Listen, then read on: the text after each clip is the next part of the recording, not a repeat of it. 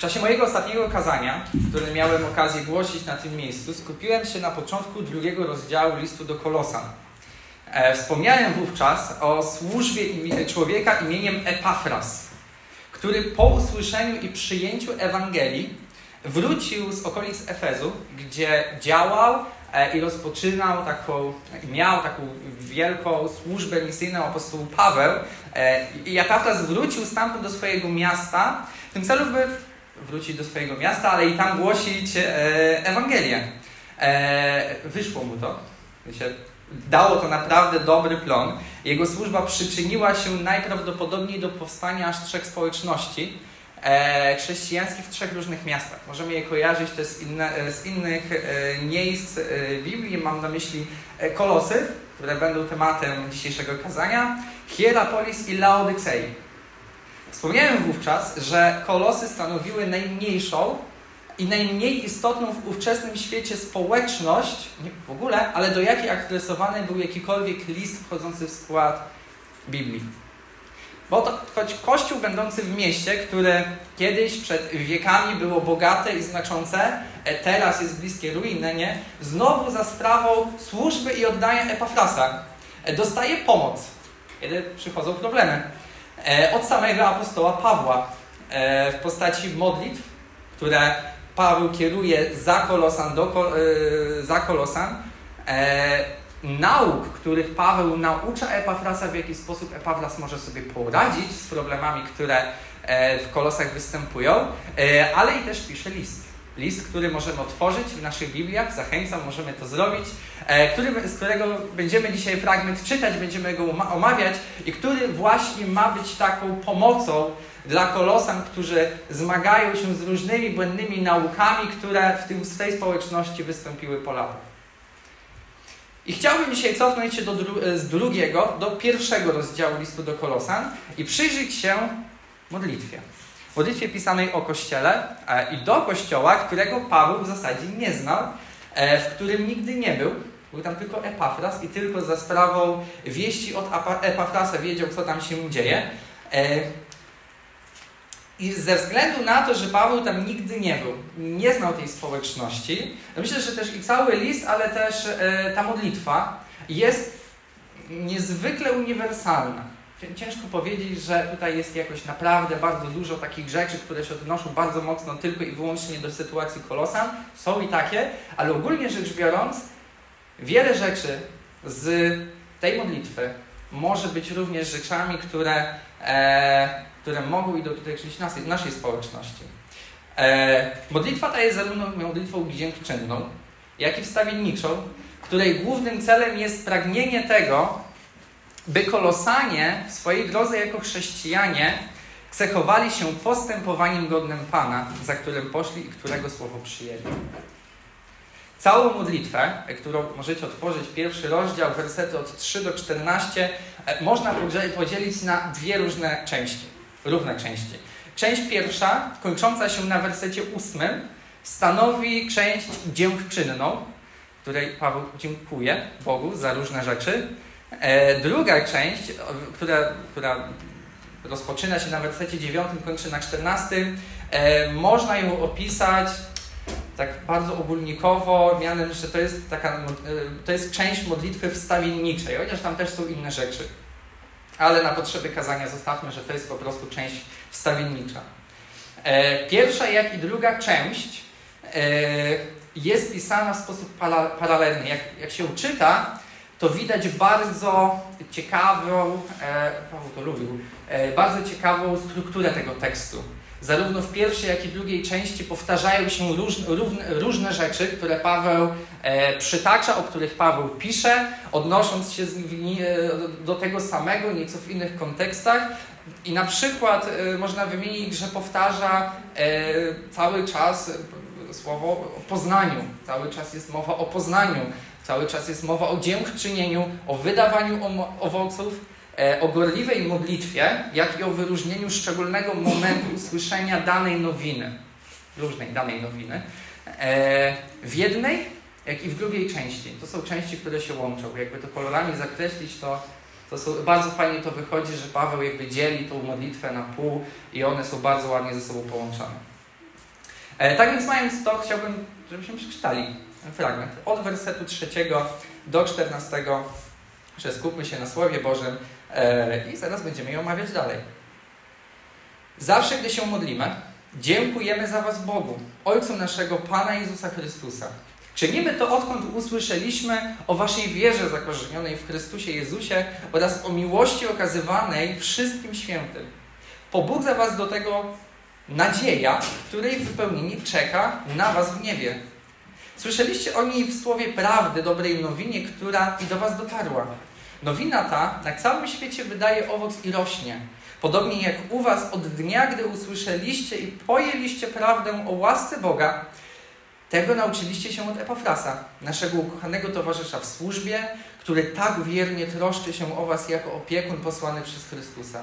On też dał nam znać o Waszej miłości wypływającej z ducha. Dlatego i my od dnia, gdy o tym usłyszeliśmy, nie przestajemy się za Was modlić.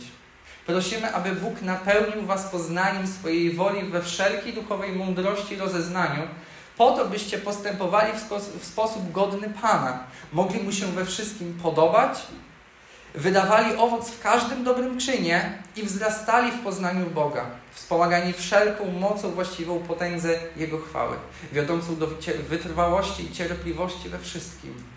Z radością dziękujcie Ojcu, który Was przysposobił do udziału w dziedzictwie świętych, tam, gdzie panuje światło.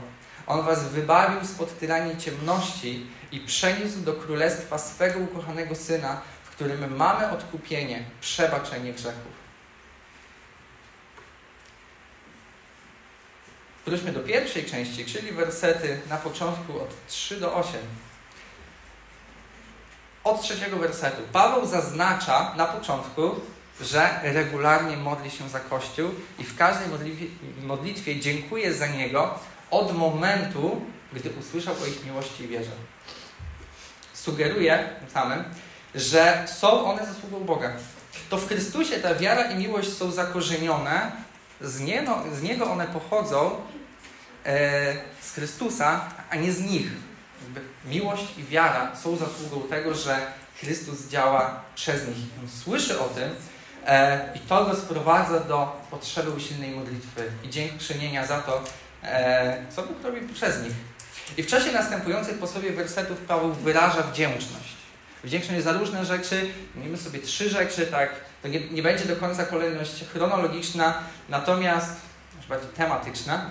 E, po pierwsze, jest e, rzeczą, za którą Paweł dziękuje. Pierwszą rzeczą, za którą Paweł dziękuje, jest wdzięczność za powszechne oddziaływanie Ewangelii, która rozrasta się wszędzie na ziemi, także w Kolosach. Ewangelia wybuchła w małych ośrodkach imperium i mamy listę do Rzymian, mamy listę do Koryntian, mamy list do Efezjan. To są naprawdę duże społeczności, które są społecznościami imponującymi, które są społecznościami spotykającymi się w bardzo ważnych miejscach, e, w bardzo ważnych miastach, które z punktu widzenia ówczesnego Imperium Rzymskiego naprawdę miały swoje znaczenie. E, natomiast Ewangelia nie zakończyła swojego działania. Bóg nie zakończył swojego działania tylko do tych miast ważnych, ale wybuchła ona również w podupadających miastach.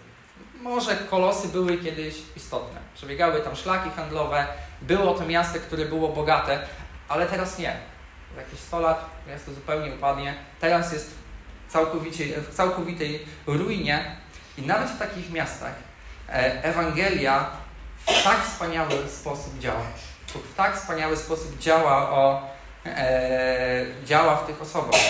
I mamy na przykład różne przykłady osób z Kolosa, z Kolosów Mamy Epafrasa, o którym już czytaliśmy, ale też możemy wymienić na przykład Filemona, do którego mamy list Biblii, ale tak, e, również i Onezyma, który był jego niewolnikiem. Również i w takich osobach, osobach, które możemy spokojnie przyznać, że nie miały zbyt wielkiej wartości społecznej, ta Ewangelia działa. I to działa w sposób niezwykły. E, do tego stopnia, że 2000 lat później możemy o nich czytać. Drugim powodem pchającym Pawła do wdzięczności jest świadectwo, jakie złożył Epafras, ponieważ on naprawdę wykonał dobre dzieło. I jest za co dziękować. Położył on solidny fundament dla Kolosan w prawdziwej Ewangelii. W wersecie 7 i 8 czytamy, że tego nauczyliście się od Epafrasa, naszego ukochanego towarzysza w służbie, który tak wiernie troszczy się o Was jako opiekun posłany przez Chrystusa. On też dał nam znać o Waszej miłości wypływającej z ducha. Z jednej strony przekazał im wiele rzeczy, z drugiej strony widać troskę Jego o, e, o kolosy. Pomiędzy kolos, e, kolosami a Rzymem było około 1500 km. To jest dość sporo. Żeby jeden człowiek 2000 lat temu przemierzył tą odległość w jedną i w drugą stronę tylko dlatego, że w jego kościele zadział się jakiś problem. Duży problem, ale jednak. Niesamowita, e, niesamowite oddanie, jakie Epafras miał dla, dla swoich współzborowników. Jest to o tyle ważne, ponieważ Ewangelia może przynosić dobre owoce tylko wtedy, gdy ludzie wiernie głoszą. A inni odpowiadają ze zrozumieniem i posłuszeństwem, za sprawą działania Ducha Świętego. Natomiast Bóg sobie upodobał, żeby w tym głoszeniu wykorzystywać ludzi.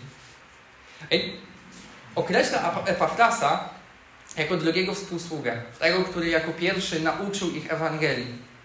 I swoją drogą myślę, że, e, że płynie z tego niezwykle ważna zachęta e, do wspominania i naszych początków. Dlaczego by nie? Mamy początki kolosów, które pobudzają do modlitwy, do naprawdę szczerej modlitwy osobę tak naprawdę mało co związaną z tą, e, z tą społecznością.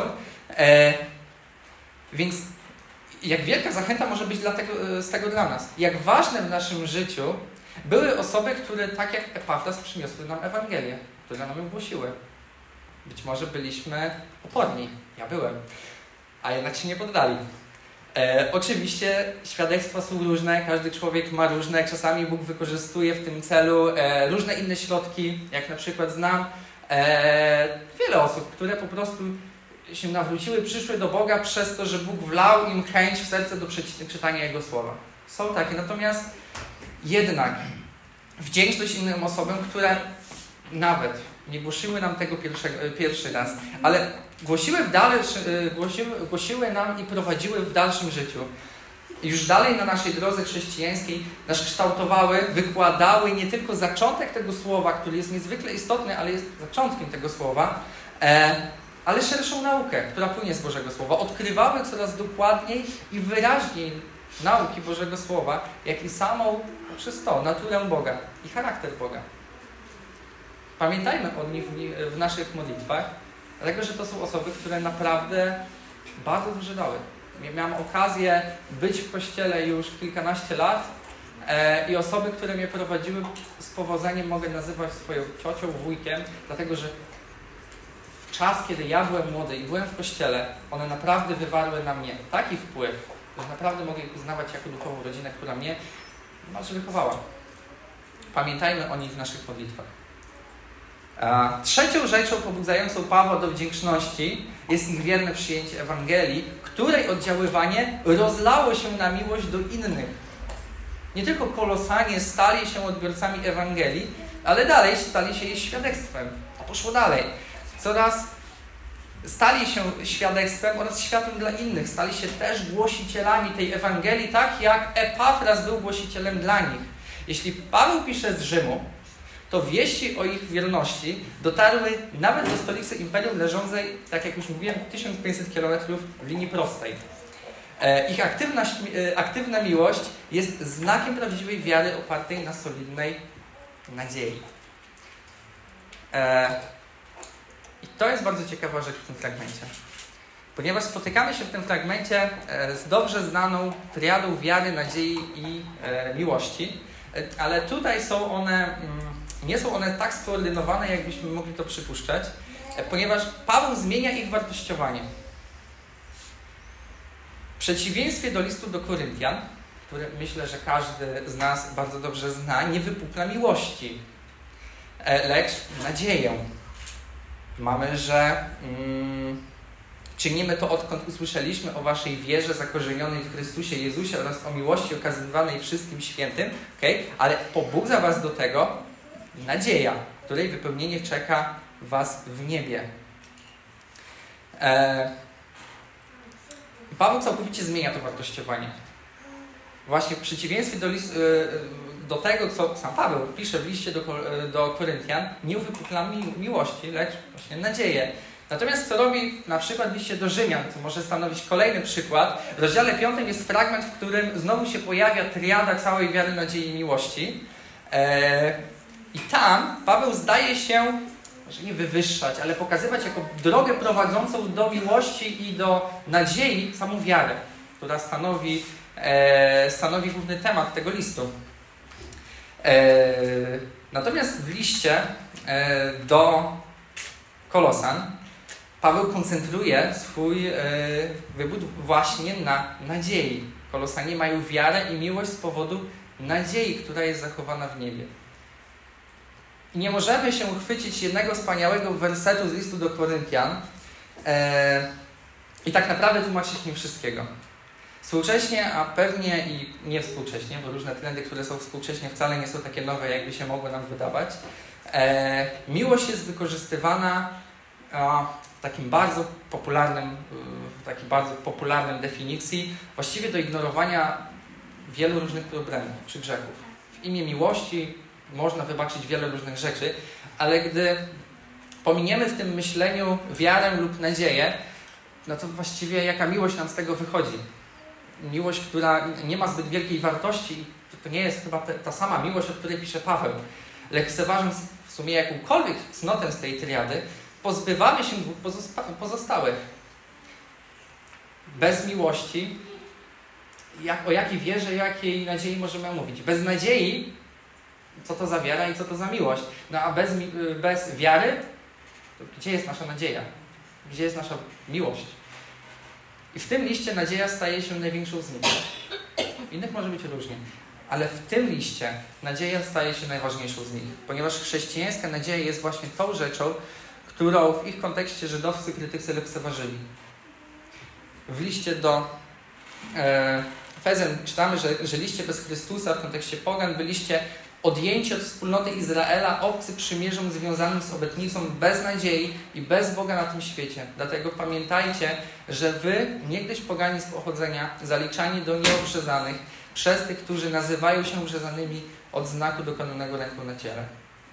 Żyliście bez nadziei na tym świecie. Paweł chce przeciwstawić się tym, którzy umniejszali i złośliwie traktowali nadzieję Kolosan, skłaniając niektórych z nich do dręczących wątpliwości. I to wyjaśnia, dlaczego Paweł e, podkreśla tak bardzo ich nadzieję i chwałę. Paweł chce ożywić ich wiarę w pewność tego, co obiecuje Ewangelia. Chce skłonić ich do tego, aby trwali w tej nadziei i wywyższa tą nadzieję i wskazuje ją jako e, jako to, z czego wynika ich wiara i miłość, którą, którą widzi, e, którą widzą inne osoby dookoła nich. E, no właśnie, wiara. Wiara, o której e, Paweł mówi w wersecie, e, w wersecie czwartym, e, nie jest wiarą w ogóle, ale wiarą konkretną. To nie jest coś, co po prostu jest obserwowalne, co, co, mo co można zapisać w jakimś wyznaniu wiary, nie jest jakimś myśleniem odnosi się ona konkretnie do wiary w to, że Bóg wzbudził Jezusa z martwych i że oferuje wszystkim wierzącym Żydom i poganom tę samą obietnicę życia.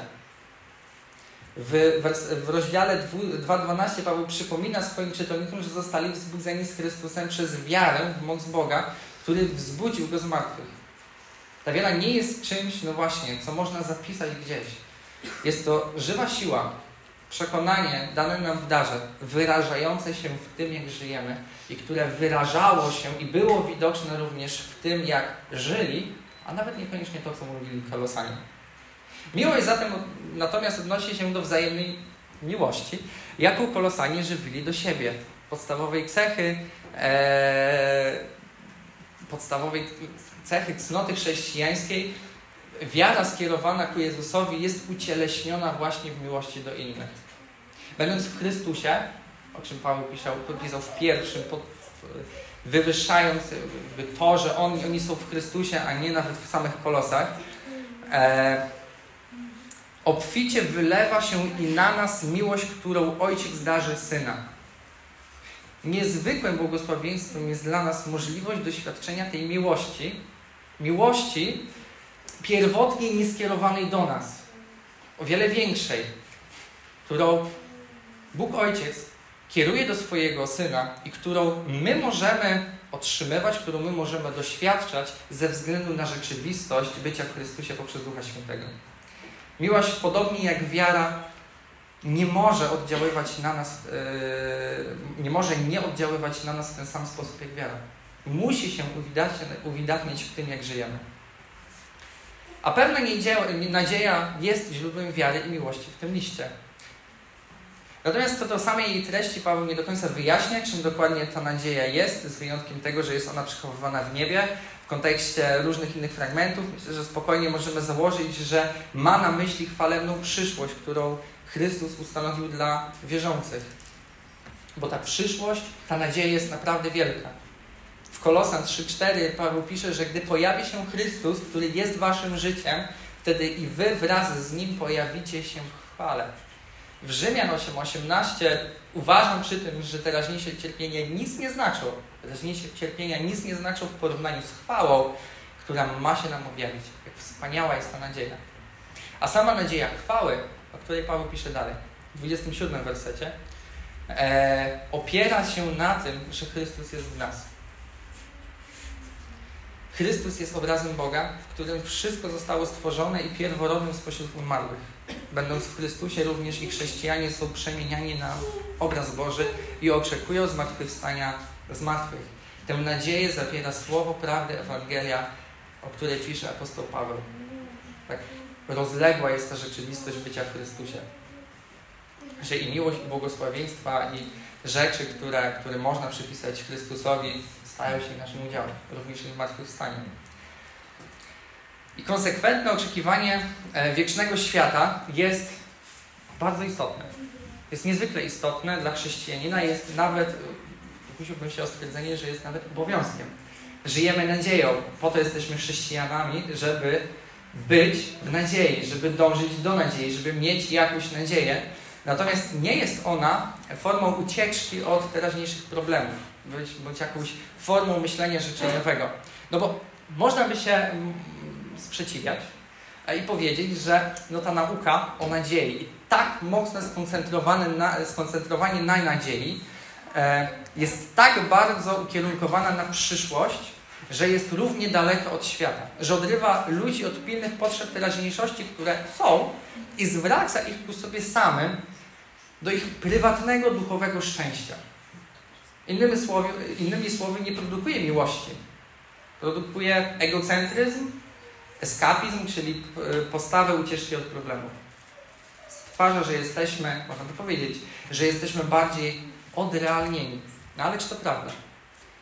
E, ja się z takim stwierdzeniem spotkałem, ale nie wydaje mi się, że to była prawda, no bo czy to prawda, że gdy, yy, czy to prawda, że gdy chrześcijanie nastawiają swoje serca szczerze, e, intensywnie na przyszłą perspektywę dzielenia chwały Bożej, oglądania zmartwychwstałego Pana, uwolnienia od grzechu i chorych oraz życia w radości przez całą wieczność. Gdy chrześcijanie nastawiają swoje serca z głęboką troską i silną ufnością na te rzeczy, stają się tak niebiesko usposobieni, że stają się kompletnie bezwartościowi tutaj na świecie, tutaj na ziemi, czy stają się właśnie, tak jak powiedziałem, egocentrykami i padają ofiarą eskapizmu? Myślę, że nie. Problem w dzisiejszym kościele absolutnie nie polega na tym. Problem w dzisiejszym kościele, w kościele nie polega na tym, że jest zbyt wielu ludzi, którzy z kochają niebo. To jest nasz problem. Jesteśmy odrealnieni, bo jest nas zbyt wielu, którzy z kochają niebo. Problemem nie jest to, że wierzący chrześcijanie wycofują się ze świata, spędzając połowę dnia na czytaniu Pisma Świętego, a drugą połowę na śpiewaniu pieśni chrześcijańskich i gorliwej modlitwie, pozostając kompletnie obojętni na potrzeby świata. Problem polega, prawdziwy problem, e, który ja przynajmniej zauważam u siebie, jest taki, że raczej idziemy w drugą skrajność.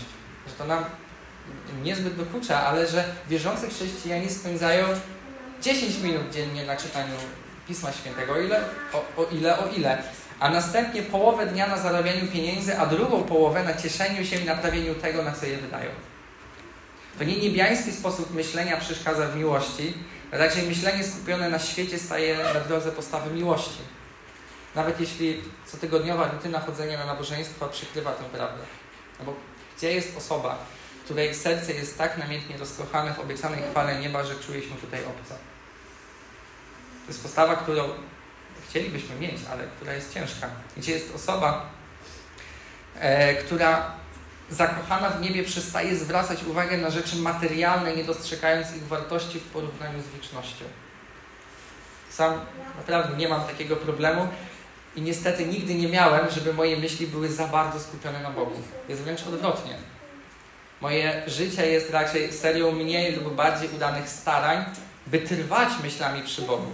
Gdy tak wiele rzeczy je rozprasza, bo tych rozpraszaczy jest cała masa. Ja osobiście myślę, że to nie jest tylko mój, y, mój problem, często upadam. I tak często będąc myślami wśród rzeczy realnych, mijam się z tym, co prawdziwie jest istotne, bezwartościowe. Co więcej, jeśli chodzi o tą postawę odrealnienia i tego, że bycie w nadziei powoduje, że jesteśmy myślami gdzieś indziej, to na własnym przykładzie mogę powiedzieć, że zupełnie inaczej. Mogę spojrzeć na przykład mojego małżeństwa. Nie wiem, czy wy, ale ja naprawdę dostrzegam, że w swoim małżeństwie im bliżej jestem myślami przy Bogu, tym więcej czasu spędzam yy, yy, więcej czasu spędzam na rozmyślaniu nad Nim, nad Bogiem, nad Twoim Słowem, tym większą miłość jestem w stanie okazać mojej żonie. Jest wręcz przeciwnie. Z drugiej strony można spojrzeć na historię, w której właściwie też to samo widać. Chrześcijanie, którzy najwięcej uczynili dla obecnego świata, byli z tych, którzy najwięcej myśleli o świecie przyszłym. Apostołowie byli tak skupieni na Bożym Słowie, na Bogu, e, że poszli na wniosek Cesarstwo Rzymskie. Odegrali wielką, e, wielką, wielką wielki wpływ na ówczesny świat. Dalej ojcowie Kościoła, którzy żyli po nich, zbudowali średniowiecze. Angielscy ewangelicy doprowadzili do zniesienia handlu niewolnikami. To są bardzo konkretne rzeczy. Natomiast reformatorzy na przykład mieli ogromny wpływ na kulturę Europy i nie tylko. Na przykład można wymienić Jana Kalwina. Jest cała książka na temat e, tego, w jaki sposób jego nauka wpływała na, e, na kulturę zachodniej Europy. I w znacznym stopniu przyczynił się on na przykład do rozwoju języka francuskiego, który za jego czasów był zbyt ubogi, żeby móc, mógł przekazać w nim w miarę wiernie nauki Pisma Świętego, więc trzeba było go ulepszyć. E, a jego działalność e, na przykład przyczyniła się do rozwoju bankowości czy zagranicznictwa Szwajcarii. To trwa do dzisiaj. To są bardzo realne rzeczy, bardzo światowe rzeczy, nawet w powszechnym, niechrześcijańskim rozumieniu słowa tego realne. Aktualnie nie mamy naprawdę problemu z tym, że za dużo myślimy o niebie. Jest wręcz odwrotnie. Myślę, że mamy tak mały wpływ na nasz świat, ponieważ za dużo o nim rozmyślamy, a za mało o niebie. I na koniec tej pierwszej części chciałbym e, przeczytać cytat C.S. Lewisa z książki Chrześcijaństwo po, po, prostu, gdzie w tym temacie e, mówi on tak, że zmierzaj do nieba, a zdobędziesz i ziemię.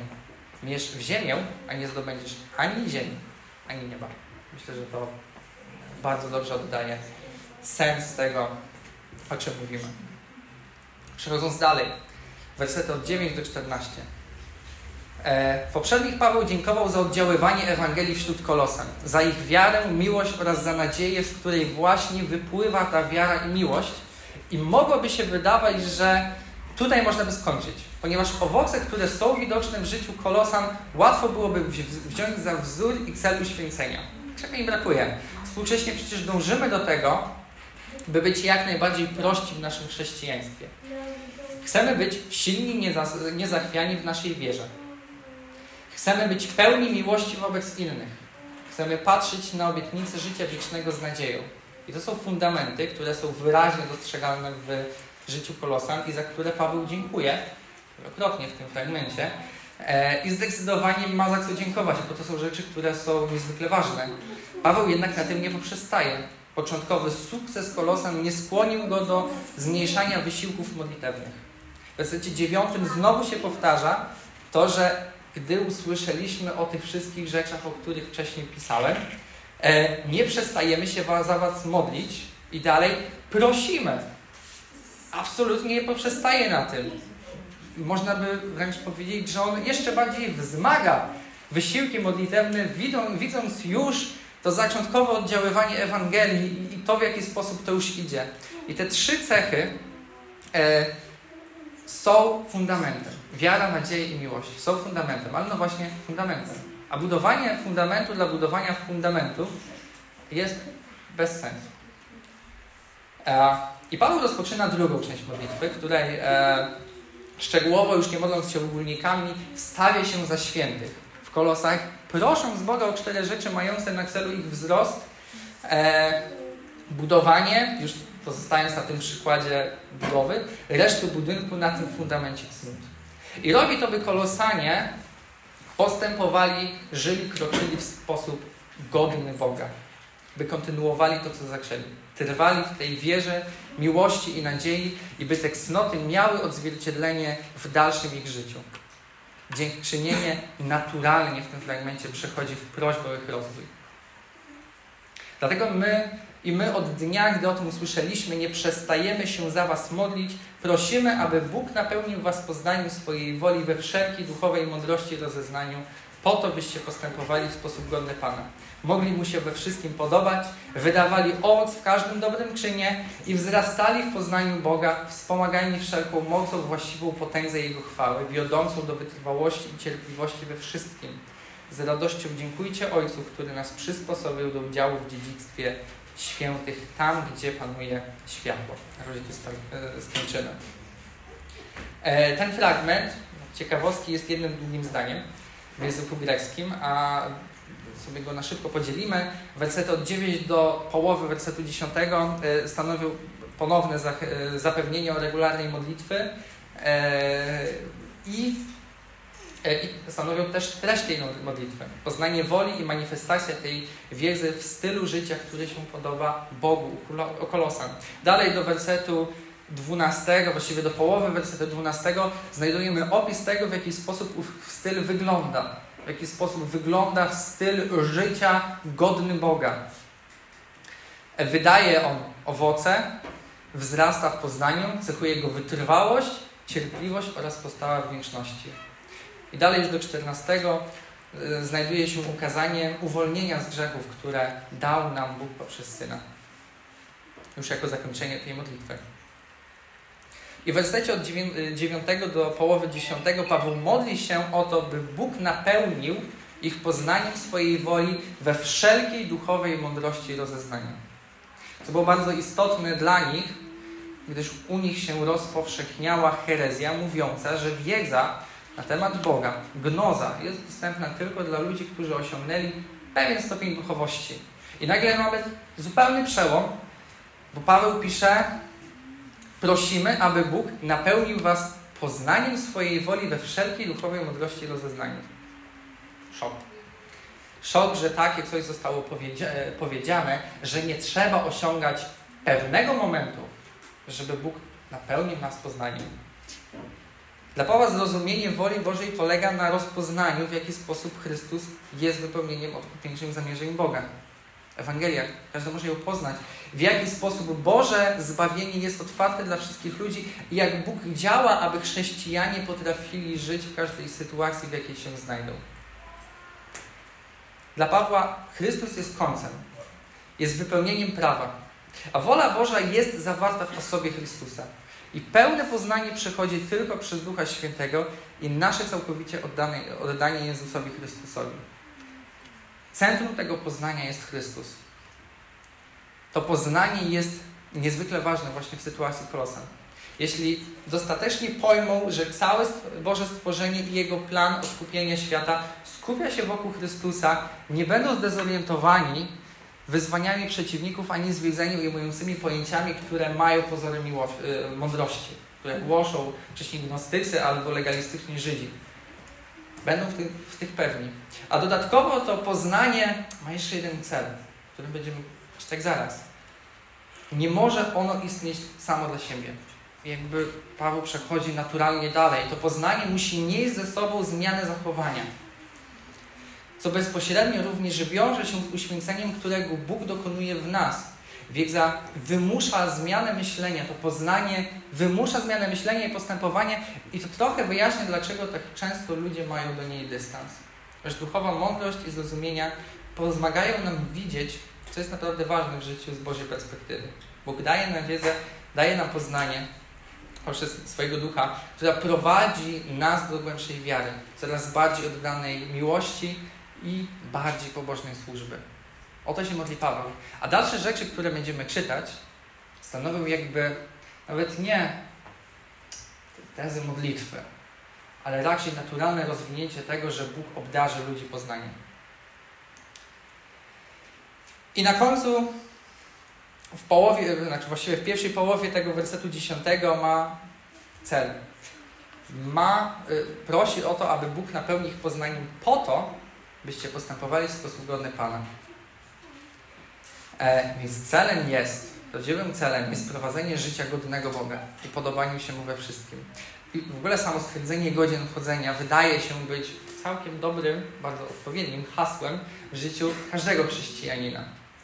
Czy moje życie jest godne króla? Właściwie co to znaczy? To bardzo ważne pytanie, skąd mogę to wiedzieć? E, a myślę, że przyglądając się dalszemu rozwojowi, temu co Paweł pisze dalej, co z tego wynika, będziemy mogli w ogóle ocenić sam fundament. Patrząc na budowlę, możemy ocenić, czy ten fundament jest dobry, ocenić, czy faktycznie cnoty wiary, nadziei i miłości są i naszym udziałem.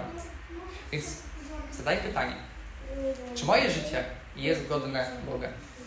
W tym celu chciałbym wyłuskać e, cztery pytania, e, będące kombinacją tego, co, co Paweł pisze, co jest, co jest e, dalszym, dalszym rozwinięciem tego, że Bóg objawił swoją, swoje poznanie w ludziach. W jaki sposób się to objawia? E, więc cztery pytania, które, które właśnie do tego się odnoszą, odnoszą. Czy moje ręce, tak jak Paweł pisze, przynoszą boski owoc? Czy mój umysł wzrasta w poznaniu Boga? Czy w swoim życiu jesteśmy wytrwali i cierpliwi? Czy moje serce jest pełne radosnej wdzięczności? Fragment pierwszy. Wydawali owoc w każdym dobrym czynie. Po to byście wydawali owoc w każdym dobrym czynie. Jeśli chodzi o poznanie i szukanie Bożej woli, to myślę, że mamy skłonności do tak zwanego paraliżu analitycznego. Szukamy tak bardzo Bożej woli i myślimy tak bardzo, co jest Bożą wolą w naszym życiu, że w sumie to nie robimy nic tą praksę wybrać, czy tę praksę wybrać. A w służbie, ojej, 50 różnych służb do, wyborach, do wyboru, ale ja utknąłem na miejscu, w którym zadałem sobie pytanie, ale jakie jest Boża wola dla mojego życia? W jaki sposób ja mogę służyć i jaki jest Jego plan? I w sumie nie dochodzimy donikąd i trwamy w takim właśnie paraliżu, szukając odpowiedzi, jaka jest Boża wola. Natomiast podążanie za wolą Bożą jest, mm, myślę, że prostsze, aniżeli byśmy chcieli.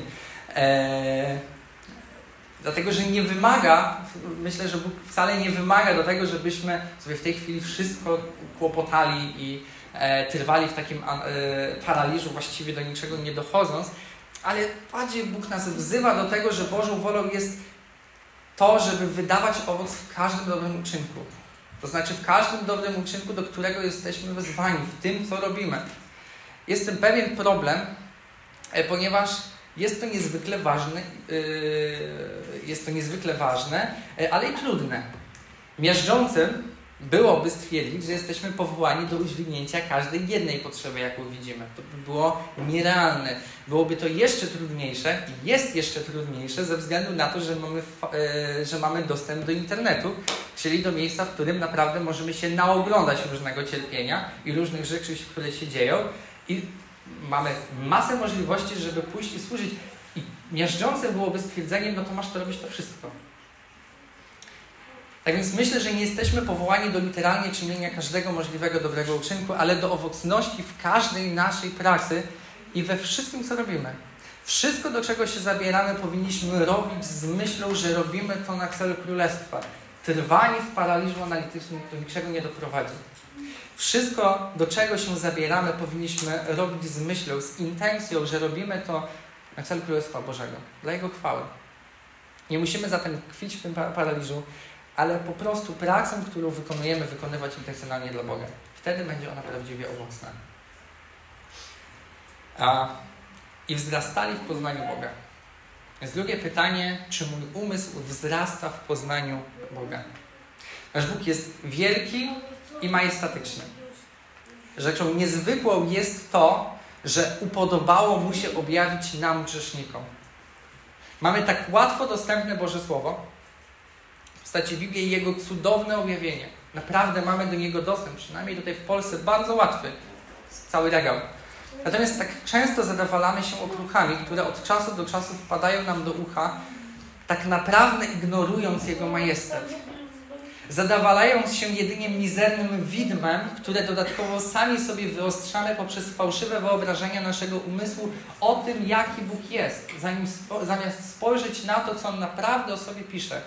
Tak często nasz Bóg w naszej głowie, podrasowany pod to, jakim byśmy chcieli, żeby nasz Bóg był, w naszych umysłach właściwie nie różni się zbytnio w preferencjach czy postawach do nas. Tak bardzo zbliżony. E, natomiast Bóg Biblii jest diametralnie różny od nas. Ciężko go sobie wyobrazić, ciężko bez prawdziwego poznania stwierdzić, jaki on jest. Ignorując Jego słowo, tworząc sobie własne poznanie Boga, tak naprawdę e, całkowicie go zatracamy. Osoby, które choć wierzące nie są wnikliwe dalej w poznawaniu Boga, w poznawaniu teologii, nie mają solidnego balansu doktrynalnego, Paweł określa dziećmi w wierze. To jest bardzo silne stwierdzenie. W liście do Efezjan pisze, że chodzi bowiem o to, byśmy już nie byli dziećmi rzucanymi przez fale i wnoszącymi przez każdy powiew nauki, będącej w rzeczy samej wyrazem ludzkiego oszustwa i sprytu w posługiwaniu się zwodniczymi metodami. Jest to niezwykle ważne, ponieważ każdy kryzys duchowy wywodzi się właśnie z braku poznania i odrzucenia Boga. Co więcej, wszyscy chrześcijanie muszą wyjść poza fundamentalne postawy i pobieżnie wyznawanie wiary, jeśli nasza wiara naprawdę ma mieć jakikolwiek wpływ na sposób myślenia i życia. Nie możemy zadowolić się tymi e, okruchami. Fajnie to daje autor listu do Hebrajczyków w piątym rozdziale, gdzie mamy takie słowa, że mamy o tym wiele do powiedzenia, lecz trudno to Wam wyjaśnić, gdyż staliście się ociężali w słuchaniu. Biorąc pod uwagę czas, powinniście być nauczycielami. Tymczasem znowu potrzeba Wam kogoś, kto by Was uczył elementarnych zasad zawartych w wyroczniach Boga. Potrzebujecie mleka, a nie stałego pokarmu. Ten zaś, kto się karmi mlekiem, nie doświadczył jeszcze nauki o sprawiedliwości, jest on niemowlęciem. Pokarm stały jest dla dojrzałych, którzy dzięki doświadczeniu mają własne yy, władze poznawcze wyćwiczone do rozróżnienia między dobrem a złem. Nasza wiedza powinna skutkować natomiast czymś więcej niż tylko odróżnieniem dobra od zła, ale powinna nas prowadzić dalej.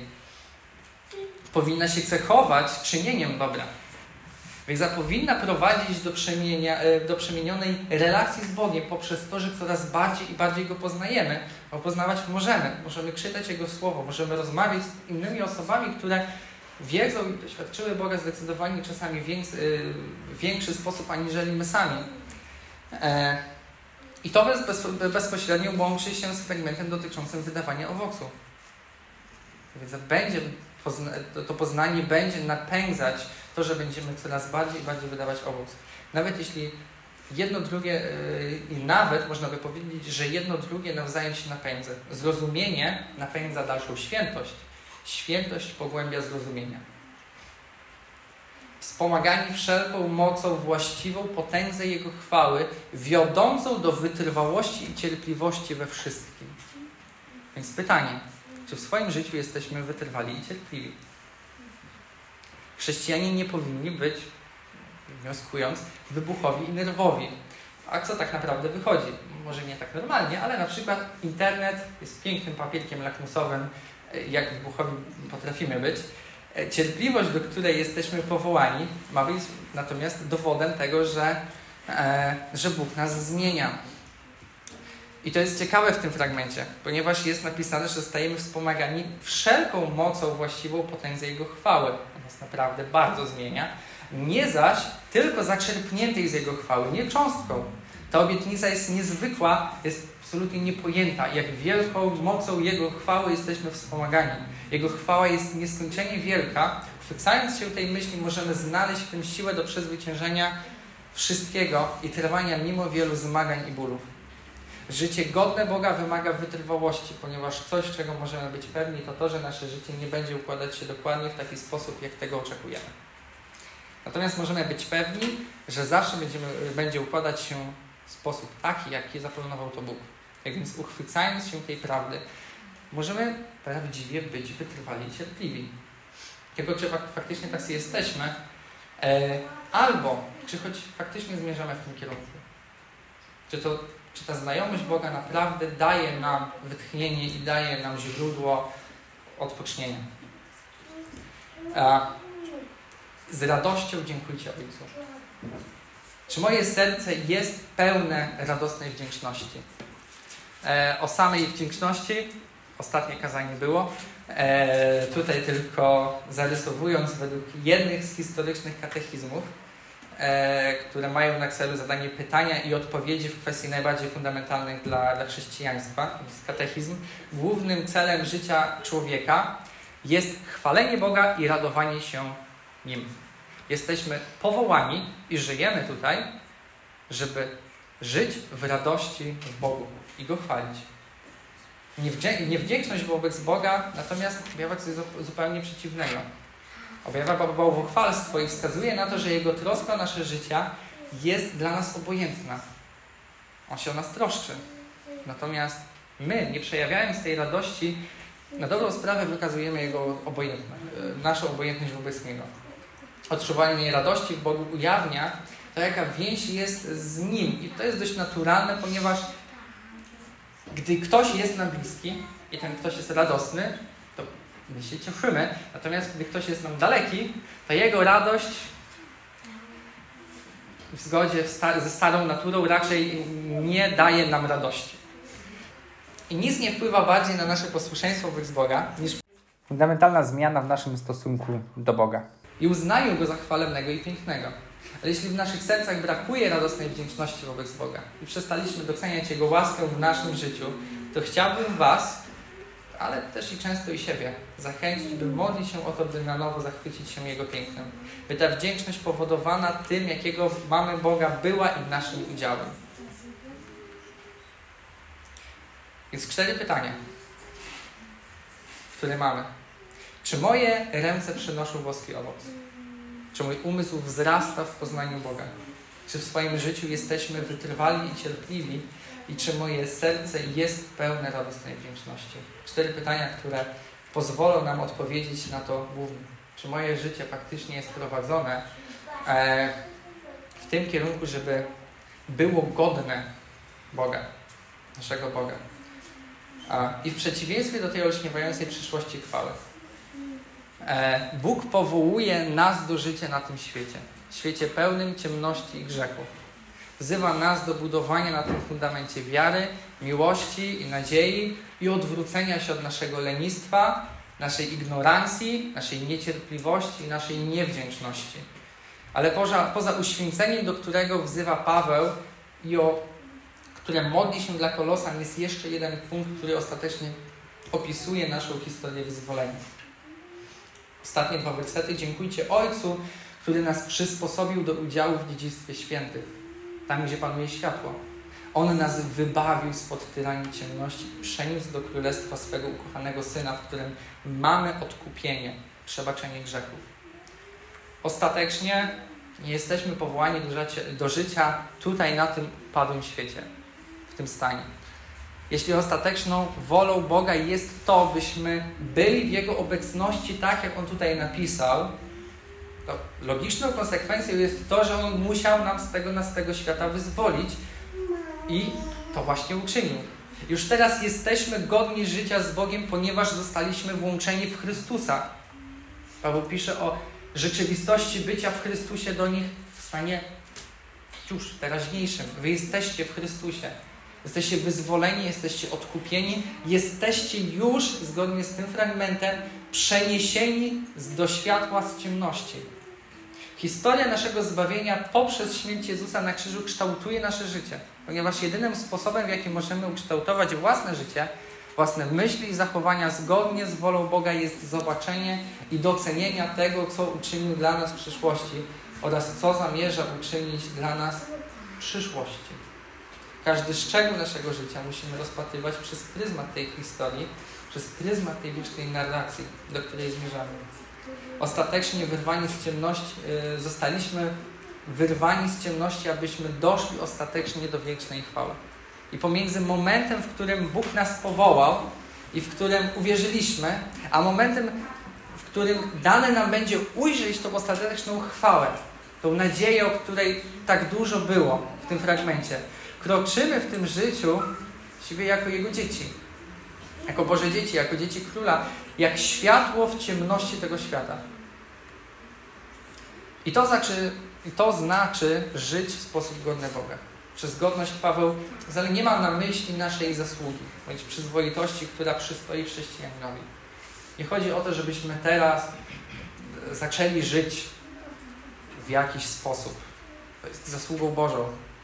Czymś całkowicie naturalnym jest fakt, że Bóg chce, by Jego dzieci żyły w zgodzie z usynowieniem, których ich obdarzył, w zgodzie z naturą, którą im wlał, y, z pozycją, na jakiej ich ustanowił. Usprawiedliwienie, następnie usynowienie musi mieć wpływ na nasze życie. Ostatecznie więc Jezus wzywa nas do Bożej godności, godności dzieci światła, by wszyscy dookoła mogli ujrzeć nas wspaniałą, niezaprzeczalną chwałę i wartość Boga. Nasze zachowania, nasze postawy, nasze słowa i nasze uczynki mają za zadanie pokazać Jego wartość i po prostu pokazywać to, kim jesteśmy. Ostatecznie sensem naszego powołania jest życie dla Boga i odbijanie Jego chwały. Radość w Nim, tak by On mógł być uwielbiony poprzez nasze życie. Amen.